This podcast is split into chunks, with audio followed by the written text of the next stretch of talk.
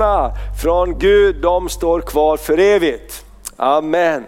Herre, vi bara tackar dig för att vi ska få läsa ditt ord. Och vi ber att du, helige Ande, öppnar ordet för oss så det blir levande ord i våra hjärtan. Hjälp mig också att dela ordet Herre, så som du vill. I Jesu namn. Amen. Amen. Underbart, tack så mycket.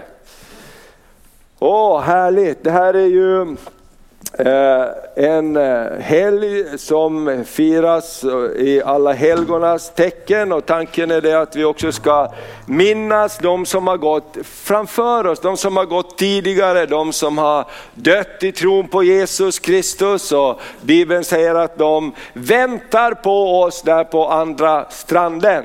Det är det eviga hopp som vi har, att den som tror på mig, säger Jesus, han ska, vadå, leva om han än dör.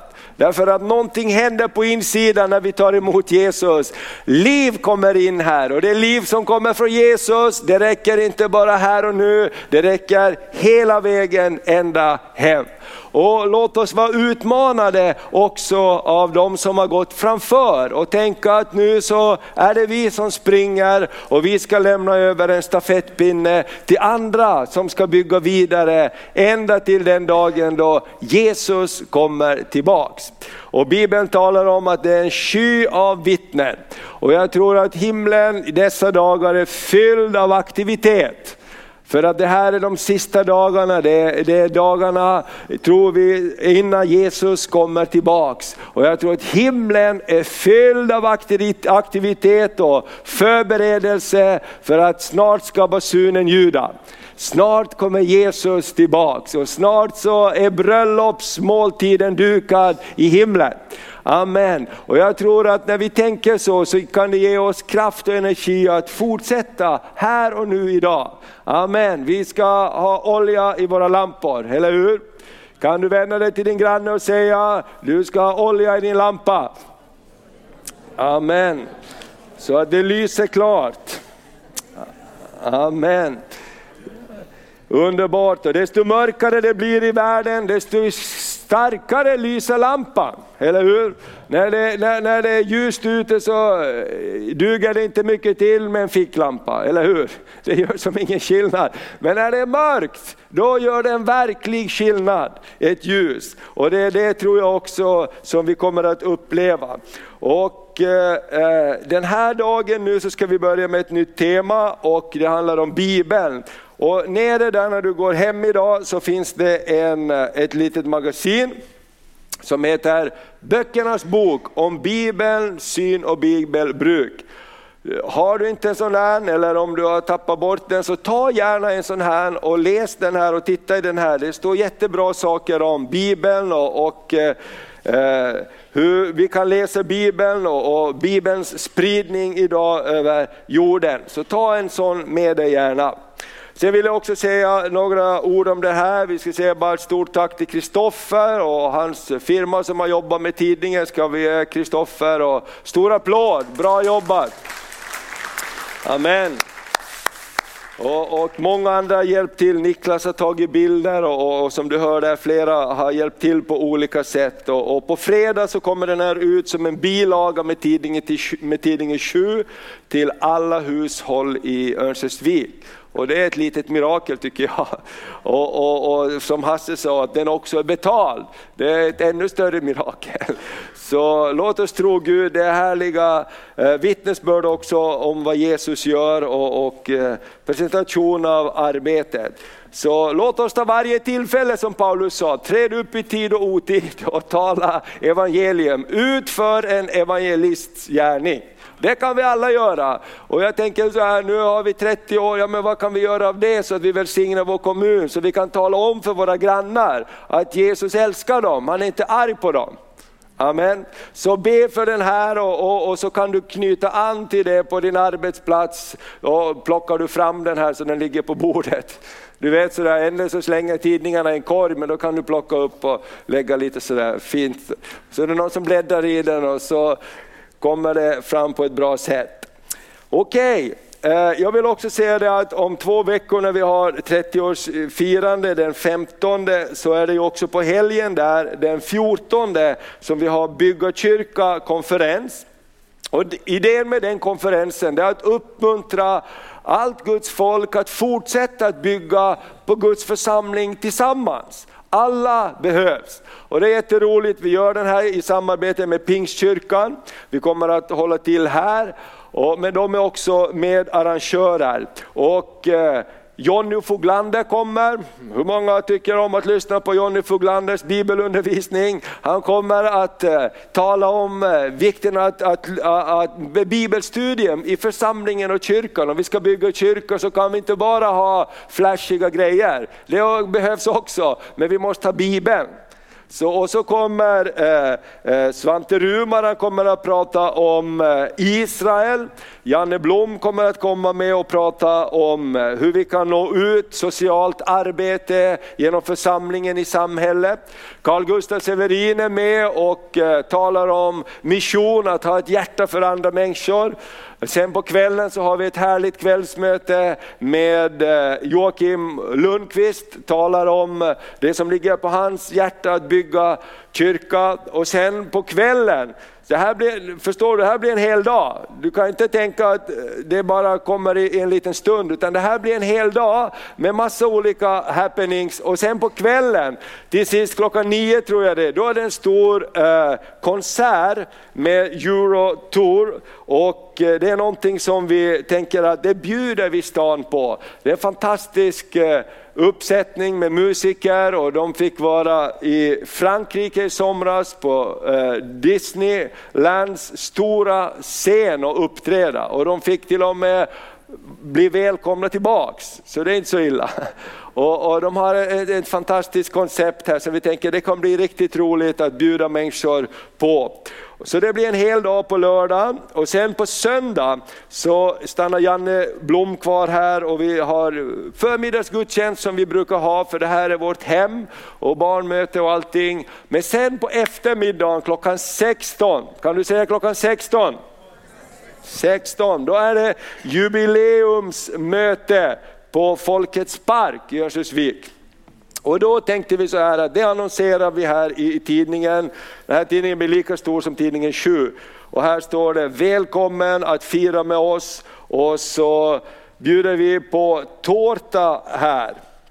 Och eh, då tänkte vi så här att eh, eh det bästa är att vi kan hjälpas åt att baka tårtor så att det blir lite personligt. Så att det skulle kunna vara en tårtbuffé, lite afrikanska tårtor, sydamerikanska tårtor, och finska tårtor och svenska tårtor.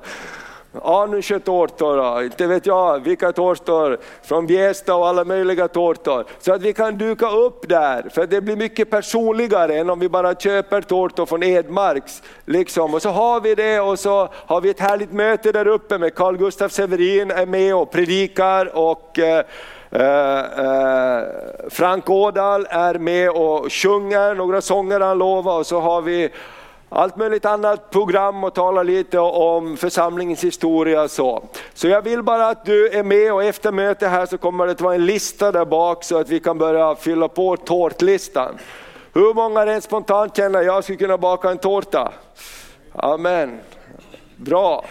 Jättebra, det behövs många tårtor men jag tror att det blir väldigt personligt och bra. Det här är en församling, det är ingen liksom eh, firma som bjuder på fest, utan det här är vanliga människor som älskar Jesus och vi vill bjuda på fest. Jättebra, då, då vet du det.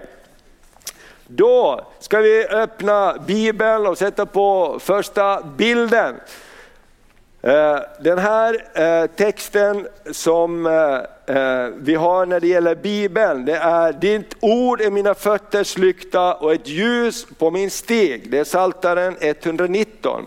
Och det är den eh, saltarsalmen som talar jättemycket om att ditt ord är liv för mig. Ditt ord det, det, det, det ger mig liv, ditt ord är mina fötters lykta och ett ljus på min stig. Utan ditt ord så går jag vilse, men ditt ord det, det ransakar mig, ditt ord det hjälper mig att hålla mig på vägen.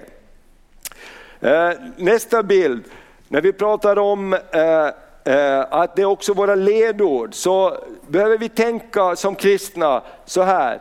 Allt vad vi gör i ord eller handling, så gör det i Herren Jesu namn och tacka Gud Fadern genom honom. Varför har vi barmhärtighet, vi har hållbarhet och vi har Bibeln? Jo, därför att vi är kristna. Vi behöver tänka så här, hallå här, nu gör jag bra saker, många gör bra saker, eller hur? Det är många på, i Övik som gör bra saker utan att de är kristna.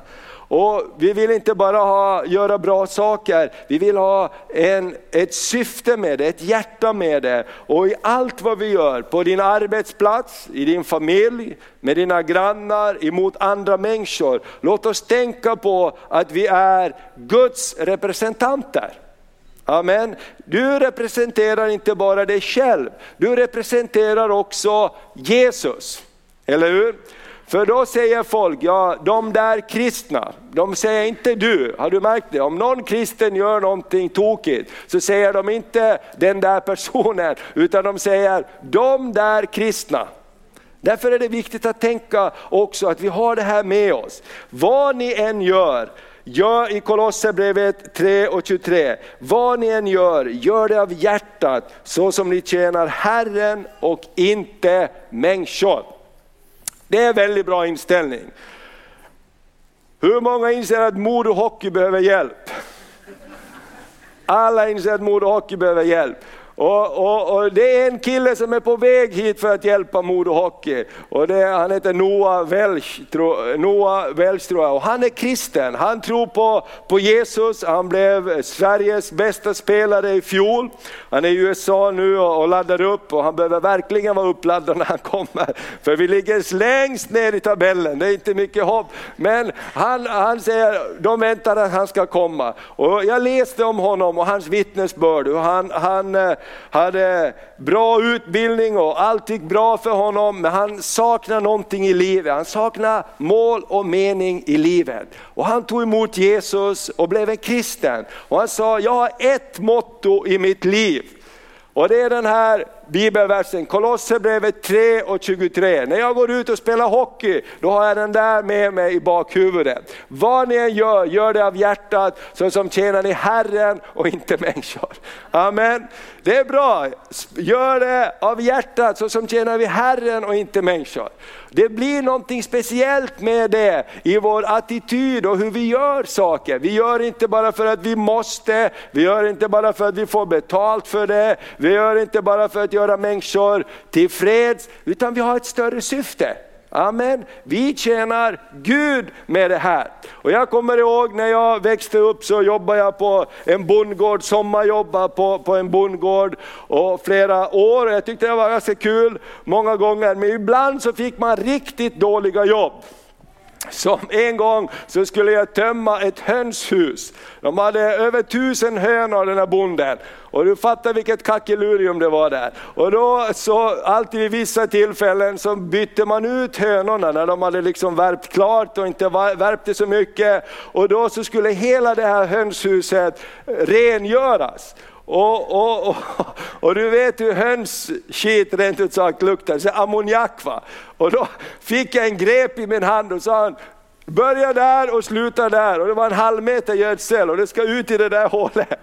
Det var inget kul. Och då tänkte jag så här, jag, jag åker hem. Va? Det, var, det var en annan kompis som gjorde det, han fick ett annat jobb, man skulle rensa sådana här i ett land. Va? Och det var ju som oändligt att rensa, eh, så det var kinakål eller någonting man skulle rensa och det tog ju hur länge som helst, och var besvärligt. Så han bara åkte hem, va? jag tänkte jag är inte värt det. Men jag tänkte, jag ska ta det här. Och så kom den här bilen bibelversen till mig. Vad ni än gör, gör det av hjärtat så som ni tjänar Herren och inte människor. Så jag tog mig an den här grepen och man fick gå ut ibland, man blev nästan hög av all ammoniak som, som var där. Och jag tänkte så här, och jag började sjunga, jag började vissla och jag bara gjorde det här. Och bonden kom och tittade ibland och han bara skakade på huvudet, vad håller du på med? Liksom. Och jag tyckte det var fantastiskt bra. Och jag fick sån favör med den där bonden så nästan var jag en fråga så sa han, gör det bara, gör det bara Thomas. Därför att någonting bryts också runt omkring oss när människor känner att vi är inte ögontjänare, vi tjänar ett större syfte. Amen. Du vill att ditt företag ska gå bra, du vill att din arbetsplats ska gå bra. Eller hur? Därför att allting tillhör Herren. Amen. Allting tillhör Herren. Det var som den där predikanten som stod och väntade på flygplatsen och, och, och, och, på taxibilar och det var något fel på systemet så det var allt för få taxibilar. Och så kom de där taxibilarna och alla trängdes för att få en taxi för att komma från flygplatsen in till stan. Och så stod pastorn där, han hade kommit längst fram i kön och då kom det en businessman och sa, jag måste ha taxin före dig, sa han. Och alla sa, gå tillbaks i kön. Och pastorn sa, låt han komma, låt han komma. Du får ta min taxi taxi, sa han. Det är helt okej, okay. se till att det blir bra, sa han. Och de andra tittade på honom, vad gör du, sa de. Känner du honom? Och så sa han, pastorn, ja han jobbar för mig, sa han. Därför att allting tjänar Guds syften. Och då tänkte jag, jobbar han för dig? Han var ju, jo, därför att när vi tjänar Gud så kan vi ha en attityd att vi är med och bygger Guds rike vad vi än gör. Och förr eller senare så kommer det fienden planerar att komma i Guds händer. Eller hur? Det spelar ingen roll, för Bibeln säger att de orättfärdigas gods ska falla i de rättfärdigas händer. Amen, tror vi på det? Tror vi på Bibeln, halleluja, då kan vi vara med och välsigna och ha en sån attityd. Och det blir mycket roligare att leva då. Det är det här vi behöver ha med när vi pratar om Bibeln i våra ledord. Vi tjänar ett större syfte. Amen. Halleluja, prisat vare Herrens namn. Amen, det var han som, eh, som, som grävde diken och sjöng, jag är barn till en kung, jag är barn till en kung. Amen, och någon gick förbi och frågade, om du är barn till en kung, varför gräver du diken då? Men du vet, man kan ha, man kan ha någonting i sitt hjärta som är mycket större än det som är runt omkring. Det handlar om en attityd. Vi kanske inte har allting, du kanske inte har de pengar du behöver, du kanske inte har allt vad du behöver, men du har någonting annat som är mycket, mycket dyrbarare. Du har vetskap om att du är pappas barn.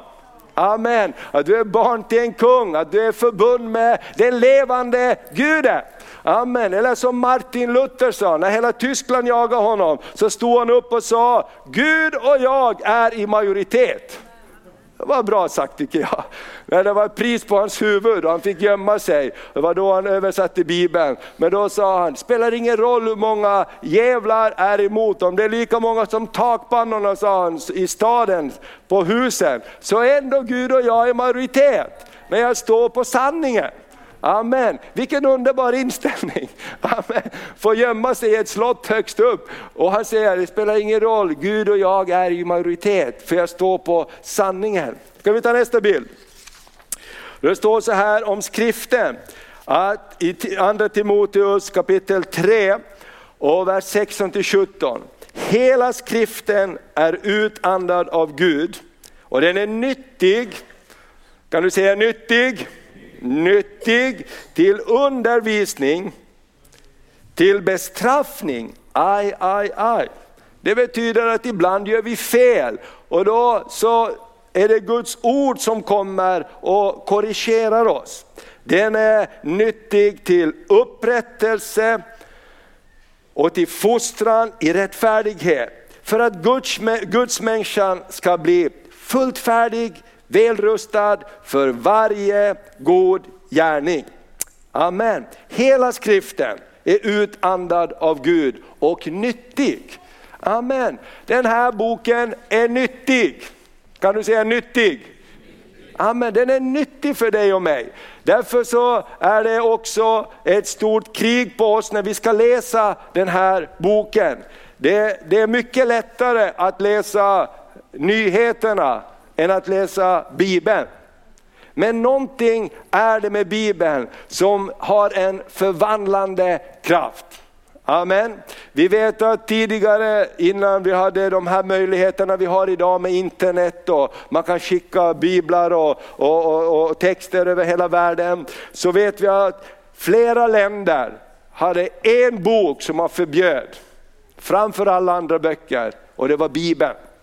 Vi vet i Kina var det förbjudet att ha biblar. I Ryssland var det förbjudet att ha biblar. I Albanien var det förbjudet att ha biblar.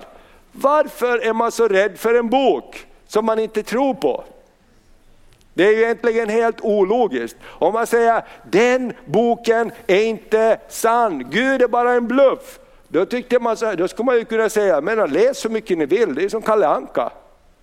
Men man vet att det är någonting mer. Man vet att den här boken är nyttig. Den här boken förvandlar människors liv från insidan.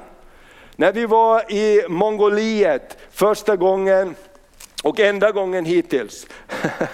Och, och, då träffade vi en kille som var pastor, han hette pastor Nara. Och han, vi frågade han, hur blev du kristen? Och han sa, jag satt i fängelse för jag hade gjort dåliga saker. Jag levde ett dåligt liv och jag hamnade i fängelse. Men min mamma skickade ett nya testamente till mig i fängelse.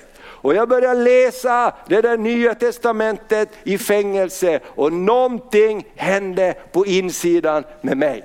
Amen. Någonting hände där i fängelse när jag började läsa den där boken.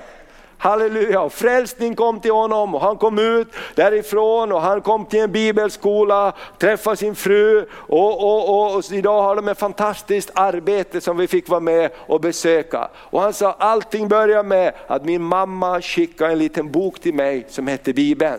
Därför Bibeln har kraft att förvandla. Och låt oss titta på nästa bild här. Vad är då Bibeln? Jo, Bibeln det är böckernas bok. Det är 66 böcker sammanlagt i gamla och i nya testamentet. 39 böcker i gamla och 27 böcker i nya. Och de här böckerna de är sammanvävda som en mosaik. De hör ihop. Allting flätas ihop från första bladet till sista. Det är över eh, vi ska se, det är eh, cirka 40 författare som har skrivit Bibelns böcker. Och kapitelindelningen den gjordes på 1200-talet. Är du glad för att vi har kapitel och vers i Bibeln? Det skulle vara lite jobbigt. Det står så här i brevet, brevet.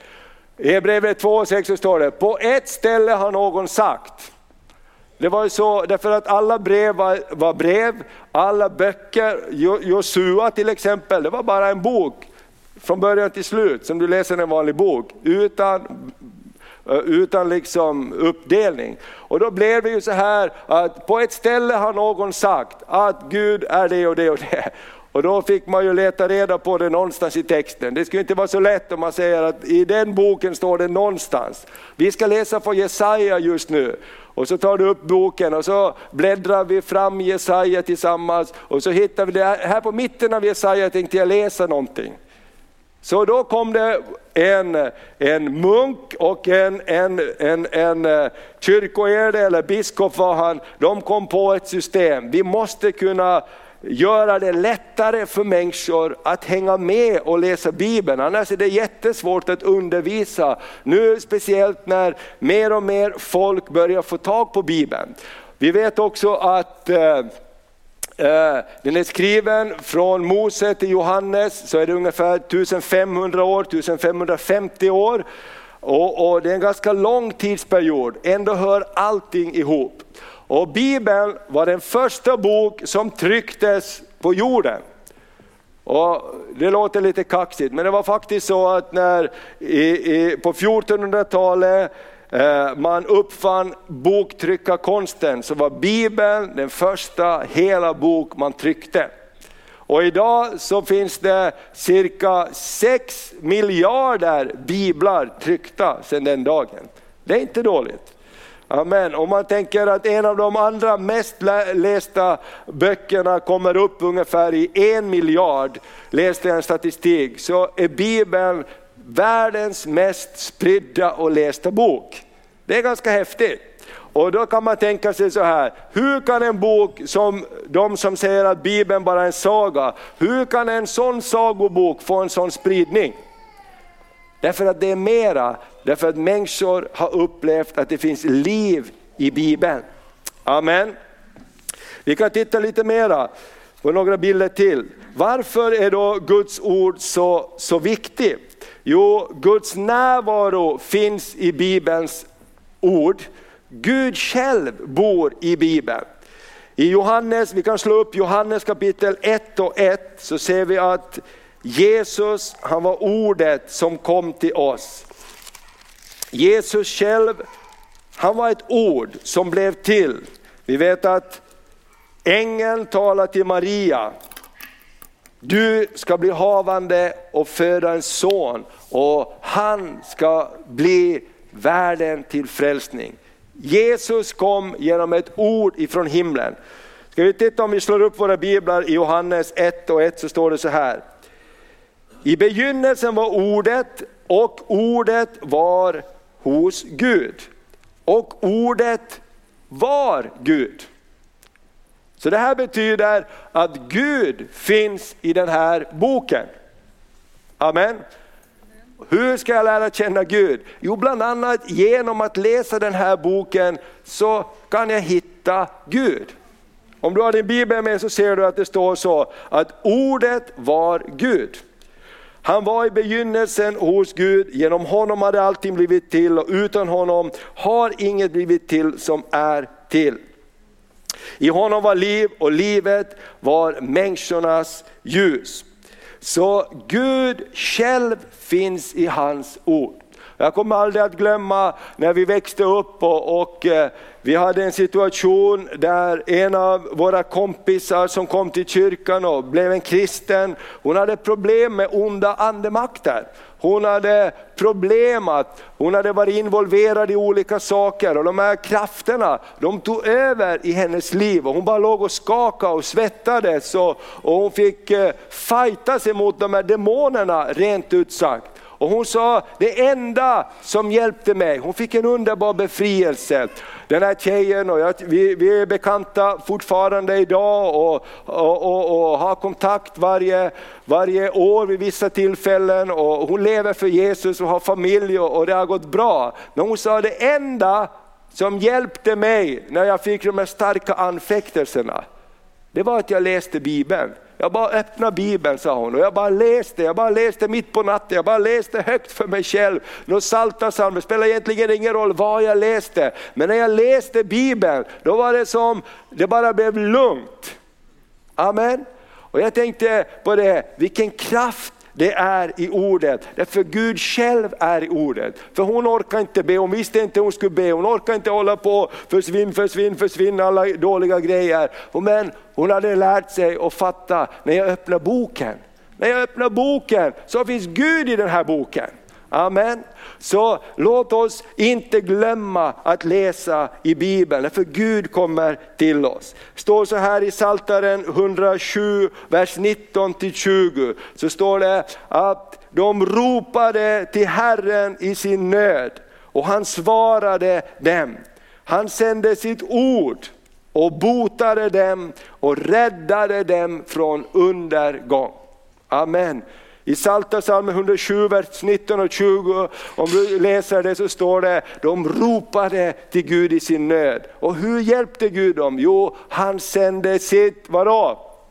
Han sände sitt ord och räddade dem. Jag säger ibland är bara ett ord från Gud, så otroligt viktigt i våra liv.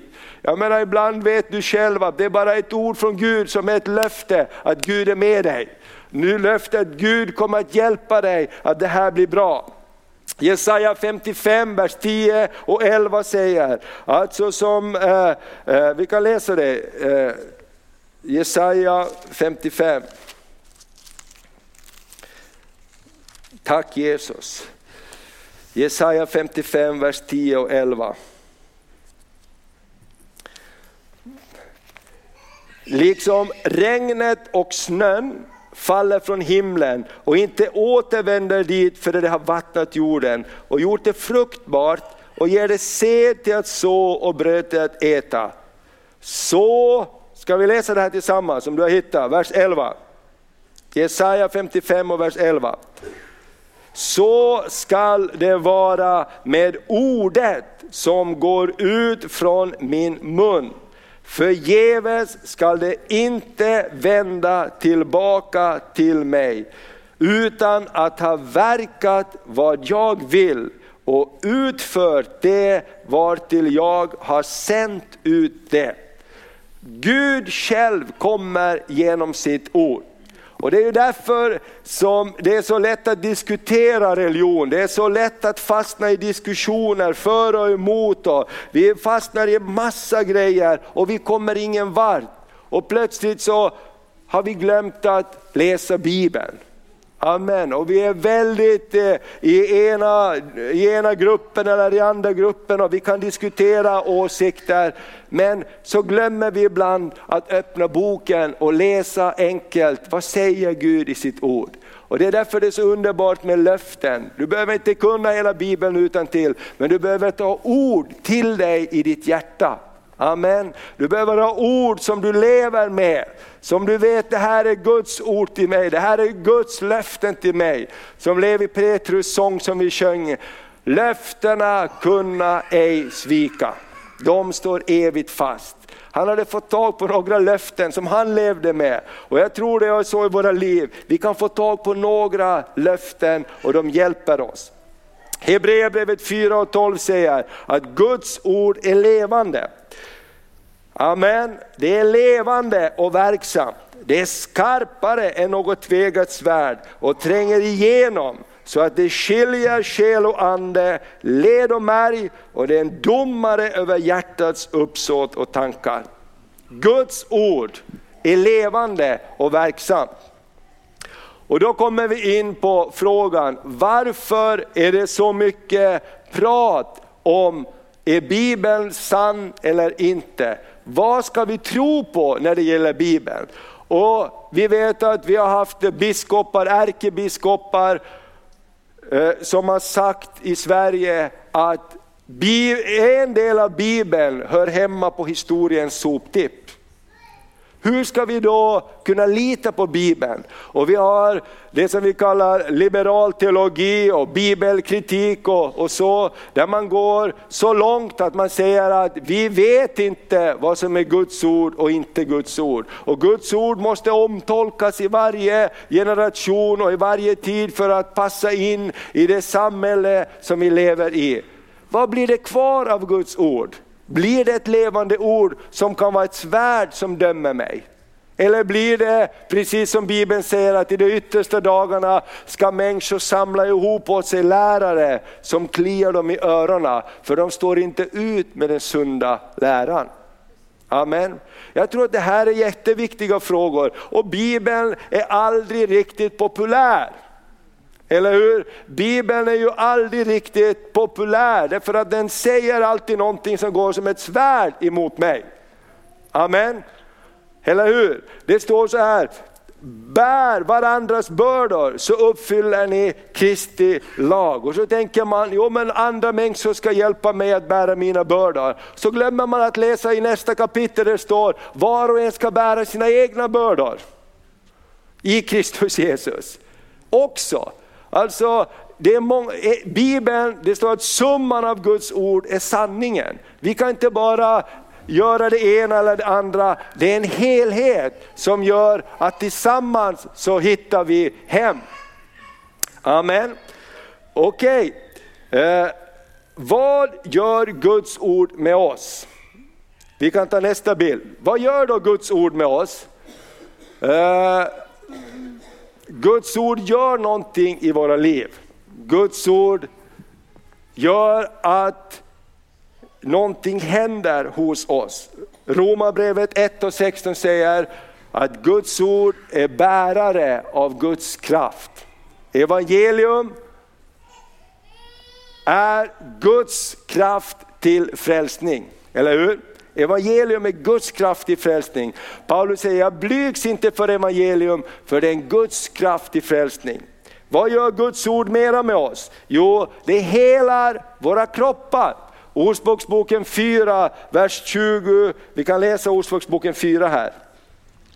Ordspråksboken 4 och eh, kan vi läsa ifrån vers 20 till eh, 23. Ska vi se här hur det går. Jag har inga glasögon med mig, men det går bra. Min son, ta vara på mitt tal och vänd ditt öra till mitt ord. Låt den inte vika ifrån dina ögon, utan bevara dem i ditt hjärtas djup. För de är, vadå? Liv för var och en som finner dem och läkedom för hela hans kropp. Framför allt som ska bevaras må du bevara ditt hjärta, ty från det utgår livet. Det står att, ty, låt, eh, vi läser det här igen från vers 20. Min son, ta vara på mitt tal och vänd ditt öra till mina ord. Låt dem inte vika ifrån dina ögon. Bevara dem i ditt hjärtas djup, för de är liv för en var som vadå, finner dem och läkedom för hela hans kropp. Det betyder att vi måste också söka ordet för att finna ordet.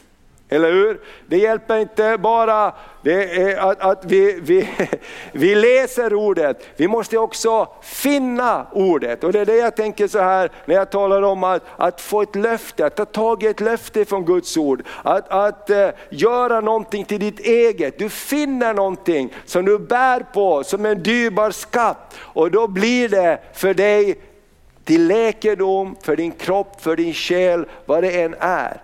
Och, och Någonting ibland som kommer tillbaks till dig, det kan bara vara en sak du memorerar på, det är en sak du talar ut, ett Guds löfte, ett Bibelns ord och det kommer med läkedom till dig. Amen. Vad gör det mera? Vad gör Guds ord med oss? Jo, Guds ord ger oss välsignelse och framgång. Salta salmen. vi läser Salta salmen. Har du nu Bibeln med så slå upp Psaltaren Saltaren 1. Eller rulla upp till Psaltaren 1 om du har någon slags läsplatta. får man scrolla upp. Eh, Saltaren Psaltaren 1, vers 1-3.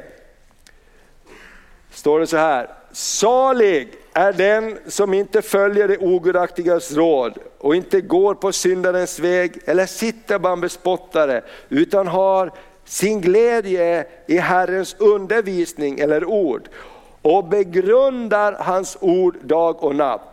Han är som ett träd planterat vid vattenbäckar, vilken bär sin frukt i rätt tid och vars blad inte vissnar. Allt vad han gör, det lyckas väl. Halleluja, amen. Amen, vilket härligt löfte. Är du glad för det? Vet du varför fienden vill hålla dig borta ifrån boken? Därför han vill inte att det ska gå bra för dig.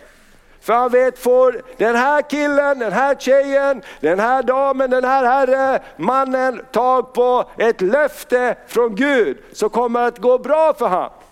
Amen. Och då om du skulle vara fiende, vad skulle du göra? Jo, du skulle jobba på högtryck för att inte ordet skulle komma till dem. Eller hur? För att när du får tag på ett löfte från Gud som du gör till ditt, när du finner det, då blir det ditt och det producerar liv. Därför det kommer från himlen. Amen. Allt som är fött från Gud, det övervinner världen. Josua, det är efter Moseböcker, femte Moseboken så kommer Josua. Och där så talar Gud till Josua på ett fantastiskt sätt och uppmuntrar Josua att vara frimodig. Josua 1 och 8. Då står det så här. Låt inte denna lagbok, Josua 1 och 8. Han bara peppar Josua här.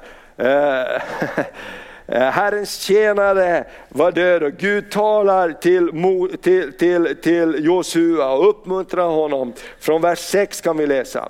Var stark och frimodig, för du ska som arv åt detta folk fördela landet som jag med ed har lovat deras fäder att ge dem.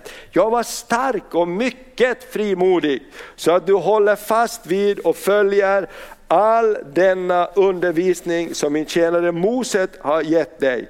Vik inte av från dem, vare sig åt höger eller vänster, så ska du ha framgång i allt vad du än gör. Amen. Låt inte denna lagbok vara skild ifrån din mun. Tänk på den både dag och natt så att du håller fast vid den och följer allt som är skrivet i den. Då skall du lyckas i det du företar dig och du skall ha framgång. Amen. Hur många vill ha framgång? Amen. Och du som inte vill ha framgång, vill du ha tillbakagång? Jag tror inte det. Jag tror alla vill ju att det ska lyckas väl. Eller hur? Vill du att det ska lyckas väl för din familj? För dina barn? Jag tror att all, jag vill att det ska lyckas väl. Det är det som är naturligt, att det ska lyckas väl. Och då har Gud gett oss någonting. Och jag bara tror just nu när jag pratar så här, så, så kan någon känna, jo men det är så mycket med Guds ord. Och jag vill bara uppmuntra dig att ett litet ord ifrån Gud är starkare än varje omständighet. Ett litet frö ifrån Gud. Du kan ta tag i ett ord, i ett frö, i ett bibelord som du kan bara göra till ditt och du kan bara låta det växa på insidan. Så att du bara vet att du vet att du vet det som Gud har sagt. Amen, det här har Gud lovat mig och jag fyller mig med det här löftet. Och sen läser vi mera bibelord givetvis och vi läser Bibelns berättelser. Men ta något ord och gör det till ditt. Och Herren säger du ska ha framgång. Amen. Tänk vad roligt att kunna säga det. Halleluja, det går bra. Därför Gud har sagt att det ska gå bra. Amen. Det låter ju nästan lite kaxigt, eller hur? Jag menar, hur går det? Jo, därför att Herren har sagt att allt vad du gör ska lyckas väl. Därför jag håller mig till Guds ord. Kan man verkligen säga det? Jag tror man kan säga det. Amen. Och det ger oss också en förpliktelse att hålla oss till Guds ord. Och då kan vi ta en sak till som är väldigt viktigt som står längst ner där. Vad gör Guds ord med oss? Jo det helgar oss och tvättar våra sinnen. Och det här är viktiga bibelord. Vi läser Johannes evangelium, Johannes 15 och 16. Vad gör Guds ord med oss? En av de främsta sakerna Guds ord gör med oss, det är att det tvättar våra sinnen rena. Tvättar våra tankar. Vi tar in så otroligt mycket dynga av allt möjligt. Så vi behöver ha någonting som renar våra sinnen, våra tankar och det är Guds ord. Det står så här i Johannes eh, 17, vers 16 och 17. Vi kan läsa från vers 15. Jag ber inte att du ska ta dem ut ur världen utan att du ska bevara dem från det onda. Det är inte av världen, liksom inte heller jag är av världen. Helga dem i sanningen. Ditt ord är sanning. Amen. Ditt ord är sanning. Om du bläddrar tillbaks ett blad till kapitel 15 och vers 3 så står det att Jesus säger så här. Ni är redan nu rena i kraft av det ord som jag har talat till er. Amen. Så när Guds ord kommer till oss så är det som ett renande bad. Och vi ska läsa i Efesierbrevet också. Är det okej okay att det är lite bibelstudium idag? Ja, men vi pratar ju om Bibeln så vi behöver ju läsa lite Bibeln. Efesierbrevet 5 så ska vi se hur hur Paulus säger att Kristus vill bada sin församling, han vill tvätta den ren. Och det är därför vi behöver låta Guds ord bo ibland oss, därför att någonting bra händer. Om jag säger så här, hur många har hört, no, hur många har hört någonting som var dåligt den här veckan? Hur många har hört någonting som var som rent ut sagt dynga den här veckan? Jag har hört det. Jag tror vi alla hör saker som vi känner så här, det här är inte bra, man blir påverkad av möjliga saker. Och då finns det ett botemedel, det är Guds ord. Amen. Det är att bli tvättad ren i Guds ord. Och I Efesierbrevet, och vi kan läsa från vers 25 i kapitel 5. Nu kommer det till männen här. Ni män, älska era hustrur så som Kristus har älskat församlingen och offrat sig för dem. Amen. Det är det varje man inser, att det blir ofta som hon vill. Det var en liten passus här. Okej? Eh, okay. Och varför ska vi göra det? Så som Kristus älskar församlingen. För att helga den sedan han renat den genom vattnets bad i kraft av ordet. Amen. Vet du vad Gud gör den här förmiddagen med dig och mig när vi läser Bibeln? Han plockar ner sina barn i tvättbaljan. Idag sitter du i Guds tvättbalja och så sköljer han oss lite där i tvättbaljan med Guds ord.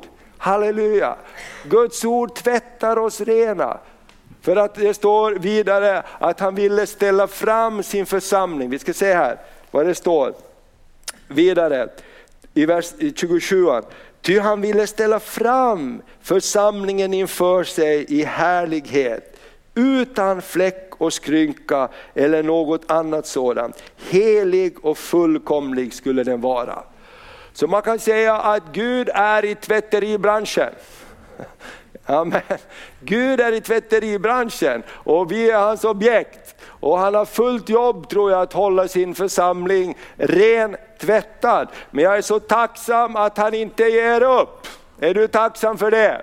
Halleluja! Han är som den bästa pappan eller mamman. De ger inte upp. När du kommer med smutsiga kläder så säger han, vi måste ta tag i det här. Du går inte ut med de där byxorna. Amen. Gud säger, kom låt mig tvätta dig ren. Halleluja. Vet du vad, när man behöver bli rent tvättad, det är när man har varit smutsig. Amen.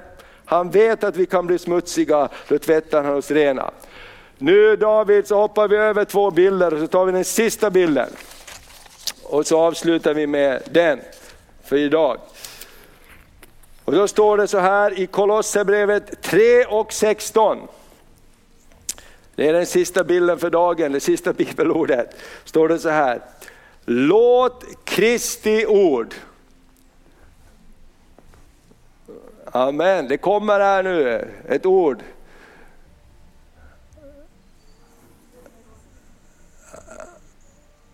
Där, underbart! Halleluja! Det här är ju nästan som Gud skriver på väggen. Va? Har du läst det? Guds finger skriver på väggen. Det är, det är vi, den tid vi lever i idag. Guds ord kommer på väggen och säger, låt, ska vi läsa det här tillsammans? Låt Kristi ord rikligt bo hos er med all sin vishet undervisa och förmana varandra med salmer, hymner och andliga sånger. Och sjung med tacksamhet Guds lov i era hjärtan. Låt Kristi ord rikligen bo hos er med all sin vishet. Halleluja! Så den här månaden så ska vi göra vad vi kan. Vi har ju en massa olika besök den här månaden. Men vårt tema är Bibeln och jag vill uppmuntra dig att läsa Bibeln och ta Bibeln till dig och ta gärna det här magasinet som handlar om böckernas bok och låt dig inspireras och fortsätt att läsa Bibeln. Jag vet att en som tog an, an, utmaningen att läsa Bibeln på ett år, det var Petrus Isaksson. Han har redan kommit igenom. Ska vi ge Petrus Isaksson en applåd för att han har kommit igenom. Amen. Läser man ungefär tre kapitel per dag så kommer man igenom hela Bibeln på ett år. Och Det finns en väldigt bra grej, nu för tiden om man har en sån här läsplatta så, så, så kan man ju ladda ner Bibeln här på en bibelapp. Och där på den här bibelappen så kan man välja vilken översättning man kan läsa. Och det är väldigt bra ibland för ibland blir det lite torrt och trögt och segt. Har du upplevt det ibland när du läser Bibeln? Åh, det här har jag läst förut. Så då kan man välja en annan översättning. Man kan till exempel trycka här och så kan man läsa eh, Levande Bibeln. BSV står det, Nya Levande Bibeln. Och då blev alla berättelser som nya plötsligt. Då, eh, det är väldigt bra, jag, jag har läst det de senaste veckan. Det är väldigt intressant för då, då, då står det med lite andra ord och det blir på ett nytt sätt, det blir mycket roligare. Så vi är välsignade idag med massa olika möjligheter att läsa Bibeln. Man kan höra på Bibeln när du är ute och går, så kan du ta med det på din telefon när Bibeln är nedladdad och så kan du trycka på Bibeln och så kan du hör, gå en, en stund och så lyssnar du på något kapitel och blir uppfylld av Guds ord. Och jag tror att Ingmar är ute i bokshoppen, hon har också fantastiska CD-skivor med inlästa bibelord och löften med härlig musik i bakgrunden. Ibland kan det vara jättebra också. Halleluja. Ord som bara eh, kommer till oss och säger att Gud är med oss och Gud vill hjälpa oss och Gud älskar oss. Och alla Guds löften, så många de är, har i Kristus fått sitt ja och amen. Så Gud är en god Gud. Halleluja! Så för allt i världen, tappa inte bort bibelläsningen. Tappa inte bort bibelläsningen. Jag vet att det är lätt att göra det, men gör det till en vana i ditt liv. Läs bibeln varje dag och det kommer att hjälpa dig så fantastiskt mycket. Och allt folk sa det. Amen. Amen. Det betyder, amen. Prisat vare Herren. Amen.